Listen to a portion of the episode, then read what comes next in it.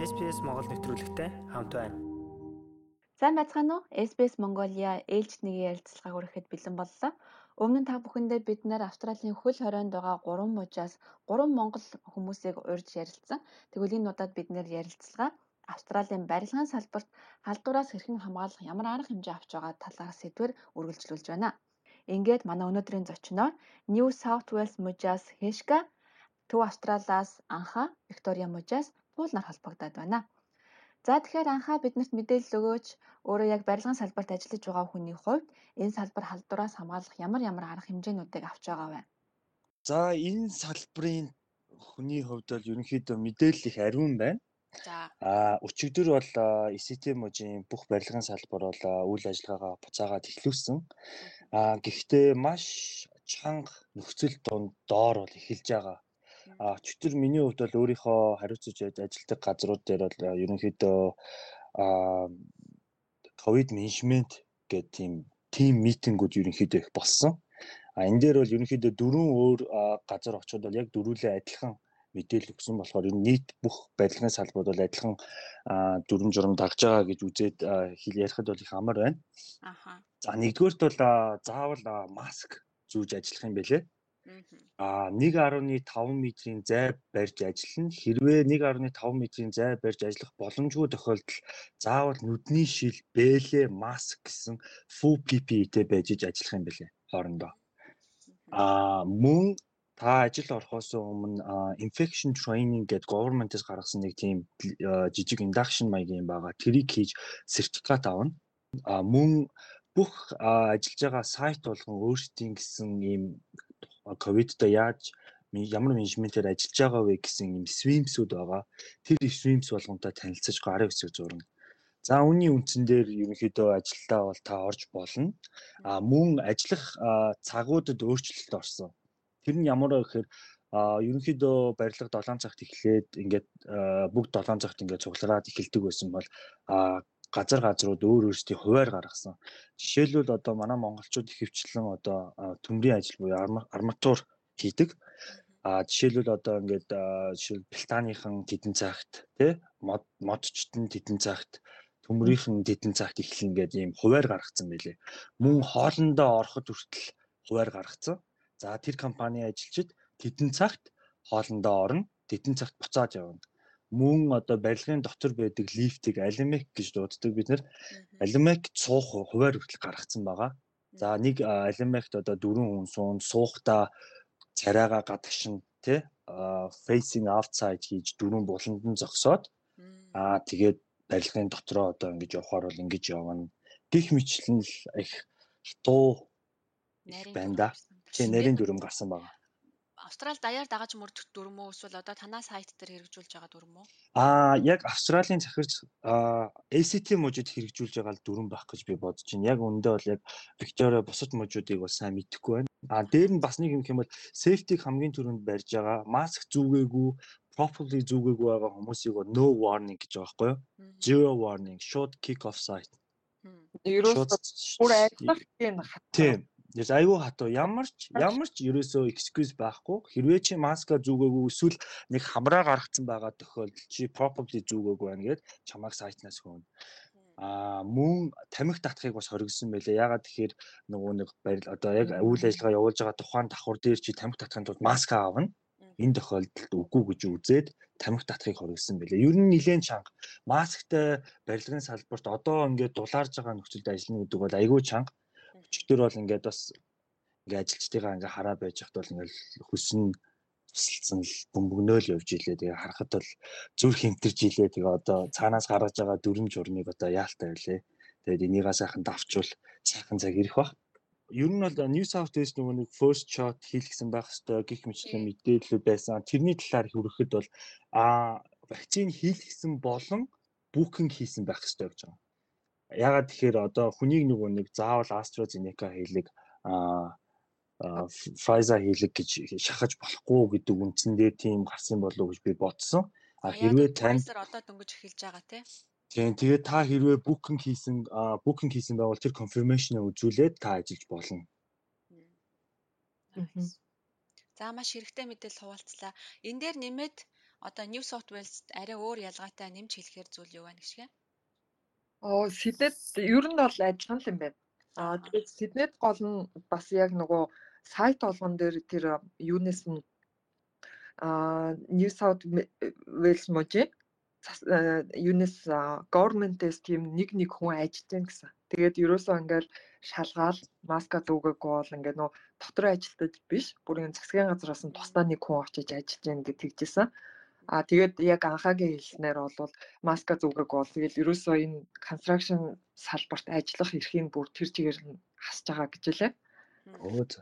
Тэгээд а юу ч а барилгын салбар ч нь бол бас их мөнгө эргэлддэг салбар юм билээ шүү дээ. Тэгээ тэгээд Австралид байгаа монголчуудын ихэнх хувь нь ер нь барилгын салбарт ажиллаж байгаа. Тэгээд сонирн болгоод хэлэхэд 7 хоногт 700 сая доллар эргэлддэг байгаа байхгүй юу. Тэгээд New South Будад 3 7 хоног бүр яг энэ барилгын салбарыг хаасан чи бүр энэ эдийн нь хэцүүдлээгээд тэгээд construction field дээр ажилладаг хүмүүсийг бүр тусдаа нэг өдөр гаргаад бүгдийн вакцинд хамруулад тэгээд э, ихэнх нь бол ихний доозоо бол авцсан байгаа.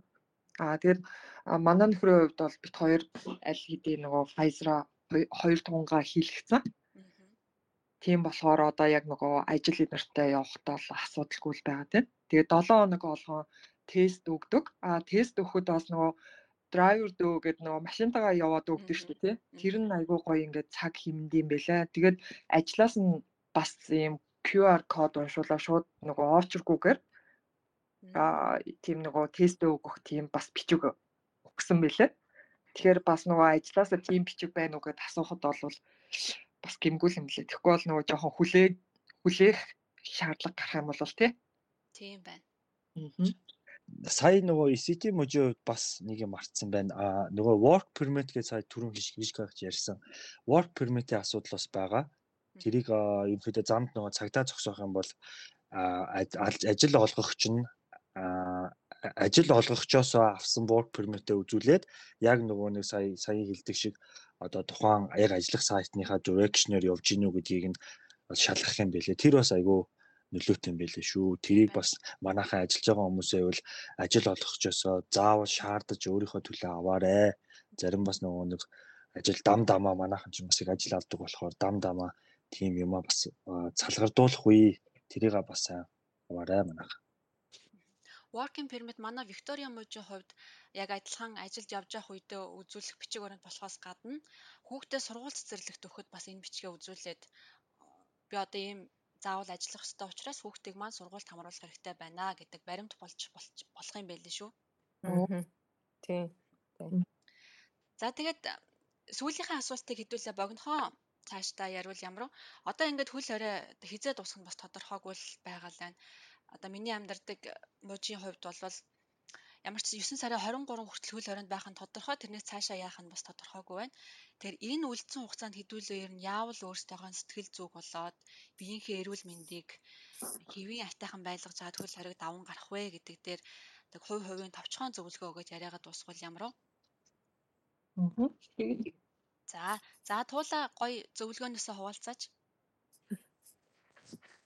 одоо өөрийнхөө амьдарч байгаа мужи буюу Виктория мужи Мельбурн хотын хувьд ярихад бол яалтчгүй хоёр дахь жилдээ дараалаад хөл хороонд амьдрахаар үнэхээр бас чанга байд юм байна. Би сэтгэл зүй ер нь байж болох бүхэл нийгмийн харилцаанаас тас таслах одоо нийгмийн харилцаанд хамаагүй юм хязгаартай оролцдог болсон учраас. Тэгээд ер нь одоо өөртөө хэрэгжүүлж байгаа миний өөрийн хувийн стратеги бол яг нэг юм хүлээлгийн байдалтай байна. Одоо ямар ч юу ч төлөвлөх боломжгүй. А тэгээд тэр амьдралтайгаа нэг эвлэрсэн байдалтай.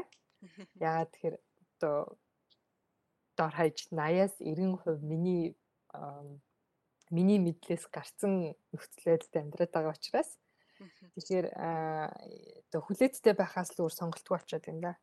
Тэр л яг хүлээцтэй байх гэдэг зөвлөгөө. Яг л одоо одоогийн нөхцөл байдалд хамгийн үйлчилж байгаа, хамгийн тусалж байгаа сэтгэл зүйн арга зам бол ерөөсөө ингээд хүлээцтэй байдлал болчиход. За хишгийн хувьд ямар зөвлөгөө өгмөр байна? За манайх Сидней ч гэсэн ер нь дэлхийд даяараа ингээл сүүлийн 2 жил бол тий а бүх юм нөгөө нийгмийн харилцаагаа танаад танаад тэгээ Монголч одоо явж байгаа чинь ийм байгаа.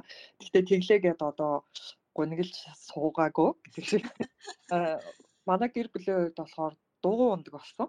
Окей. А тий дугуй над миний хувьд бол 10 сар гарan болж байна. Манай нөхөр тэгээд намайг дэмжиж хагас жил гарan ундаг болсон. Тэгээд а яг сая нөгөө локдаун бүр хатуу хөл хорио тогтоо 3 7 хоноод нөхөр маань яг construction тэр чигээрээ зогсоод амрах үед одоо нөхрийгөө өстой иж бүр нөгөө засвар хийн гэдэг шиг хөөрхий олон жил ингээл нөгөө наранд ажиллах хийн гэсэн. Хоёрт бол дасгал хөдөлгөөн, эрүүл хоол хоёр дээр анхаарад өөрсдөө анхаарад гэр бүлдээ гаргах цагтаа илүү анхаарад хөл хорионд бол ингэж нөгөө гунигл суух биш. Одоо байгаа бодит байдал дээрээ эвлэрээд сайхан. За юу хийж enjoy байж чадах уу гэдэг тал дээр л их анхаарад эрүүл мэндэд анхаарч байна хоолтод анхаарч байна дасгал хөдөлгөөн тогтмол хийж байна а тэгээд гэр бүлийн харилцаанд илүү их анхаарч байна тийм байдалтай аа тэгээд зөвлөгөө байлаа Тий. А нэг юм хэлээ марчиж. Манай нөхөр сая цусны донор болоод сониноос. За. А ягаад гэхээр жил болгон бит хоёр нөгөө даатгалаа ашиглаа үнгүү цусны шинжилгээ өгөөд эрс бодис юу дутагдaltaй нэ гэдгээд нөхөө явчихдаг байхгүй. Аа тэгээд энэ жил одоо нөгөө ковидоос шалтгаалаа хөл хорноос шалтгаалаа шинжилгээгээ өгч чадахгүй. Тэгээд одоо ерөнхийдөө эрүүл байгаа эсгээ шалахын тулд тэгээд нөгөө цусны донор болж үзсэн. Тэгээд хүний аим аврахаас гадна бас өөрийгөө эрүүл эсгээ шалгаад тэгээд айгүй зөв үйлдэл болсон гэж бодож байгаа. Аа тэгээд ковидын үед болохоор тийм нөө цусны донор өгөх хүмүүсийн тоо эрс багассан байгаа болохоор хэрвээ боломжтой байгаа тохиолдолд бас тийм цусны донор болох юм бол хүний аим авраад бас их зүгээр юм билээ шүү гэж уриалах юм. Тэгээд маш их баярлалаа. Тийм. Болмоор санагцал 6 тавьж илээ. давхар давхар ач холбогдолтой байна. Хүний аим аварч ийн, өөрийгөө бас нэг сайхан шинжилүүлээд авч ийн. Тэгээд тэр аяг хүн тусалж ийн гэдэг мэдрэмж чинь бас нэг өөрсдөө гоё. Ер нь бол тий байнга авч амьдрах биш бас өгөж авч амьдрна гэдэг чинь л ерөөсөө их гоё юм байна. За гоё байлаа. За анхаагийн хувьд ямар зөвлөгөө өгмөр байна? За би миний нэг хэлэх дуртай гэдэг юм а бүх юмд хоёр тал бий гэдэг. Яг тэрэн шиг магадгүй одоо ингээд бид нар хөл хориод өвчин зовлон байна. Ковид гарснараа бас нэлээд бас олзуурштай зүйлүүч гэсэн бол бусад зарим салбарууд бол болсон. А тийм болохоор үүнийг бас нөгөө хөл хоройг бас одоо мэдээж бид нарт тасгал хөдөлгөөн бас нэг хорчоогүй байгаа шүү дээ. Тасгал хөдөлгөөн хийх ингээд боломж бололцоог нь өгж байгаа болохоор ингээд өөртөө гой цаг зарцуулаад магадгүй нөгөө бид нэр хизээч энийг өмнө өөрсөндөө хийж байгаагүй том боломж явах магадaltaй гэж би бол харж байгаа. Яагаад тэгэхээр чамд усаас ч мөнгө өгч чинь чи гэртээ байчих гэж чамаагүй ч чинь. Тэгээ өмнө нь болохоор бид нар чинь өө ажил ихтэй өө завгүй завгүй маргааш маргааш ч юм уу гэсээр байгаа өөрийгөө дандаа хайцсан байдаг болохоор энэ цаг мөчийг ашиглаад өөртөө өөрийгөө хөгжүүлээд гэр бүлдээ цаг зарцуулаад өөртөө анхаарад тийм байгаарай л гэж зөвлөмөр байна. Тийм шүү дээ. Ер нь бол яг анхаагийн хэлснээр айгүй их ингээ боломж гарч байгаа байхгүй өөрийнхөө эрүүл мэндэд анхаарах тийм. Тэгээд ерөөсөө л эрүүл анхаарал юм бол цаашдаа. Тэгээд зуршил үүсгэж боломж зөв зуршлыг бий болгож тийм яг үнэ. Тэгээд ерөнхийдөө нөгөө би бас нөгөө нэг одоо жишээлбэл гэдгийг бас нэг хэсэг бүлэг хүмүүсийг өдөрдөж явдгийн үндсэн дээр одоо ингээл заримдаа би локдауны үеэр ярилц ярина л да за юу гэж яаж ингээл тэгэхээр зарим хүмүүс аягүй гоо эрг мэдээлэл өгдөг. Oxford-ийн dictionary худалдаад авсан англи хэл сурч байгаа жишээтэй тий нэг нэг нэг ажилтан маань өө би нэг бөөрийн чулуутай байсан чинь шинжилгээ өгсөн байсан чинь бөөрийн чулуутай байсан. Тэрийг сайхан 3-7 хоногийн локдаунаар имчилчлээ ч юм уу тий зүгээр нэг зураг тараад өө ингэчлээ хэлдэг биш хүн өөрийгөө ингээ хөгжүүлээд боломж олж ингээд гаргаж байгаа нь айгүй гоё тийм мэдрэмж авсан. Дээр нь бас энэ нөгөө хишгагч тэгээ хоёрын маань тусны донор болсон гих мичний гоё эрг мэдээллүүд л их гоё байсан. Тийм болохоор өөртөндөө сайхан цаг зарцуулцгаа, гэр бүлдээ цаг зарцуулцгаа, өөрийгөө өөрчлөе, боломжийг битээ алдаарай л гэж уриалмаар байна. Маш их баярлалаа. Тэгээд цаг зав гаргаад энэ их мэдээллийг уншаад, орчуулад, сайхан имхэл зэгцлээд ингээд дүгнээд бусдтайгаа хуваалцсан маш их баярлалаа. Тэгээ локдаунны үеэр бид нэр хэдийгээр гэртээ хөл хорионд байгаа ч гэсэндээ уйдаад байгаа юм бол алга гэр орны ажил өөр хүүхэд отогрээсээ ажиллах ухад бол алга гэж. Харин уйдаад байгаа юм бол алга. Тэгээд энэ цагаасаа одоо хомслаад одоо подкастт маань орж ярилцсан та бүхэндээ баярлалаа. Тэгээд удахгүй бас энэ бүхэн дуусаад нэг сайхан тэрвэрлдээд уулзах өдөр ирэх баха гэж найдаж байна. За, эрүүл бат оршвэ. За, ажилтнаа амжилт хүсье. За, баярлалаа. SPS Монгол хэлээр бидний нэвтрүүлгийг Facebook сошиал хуудасаар бусдаа хуваалцаарай.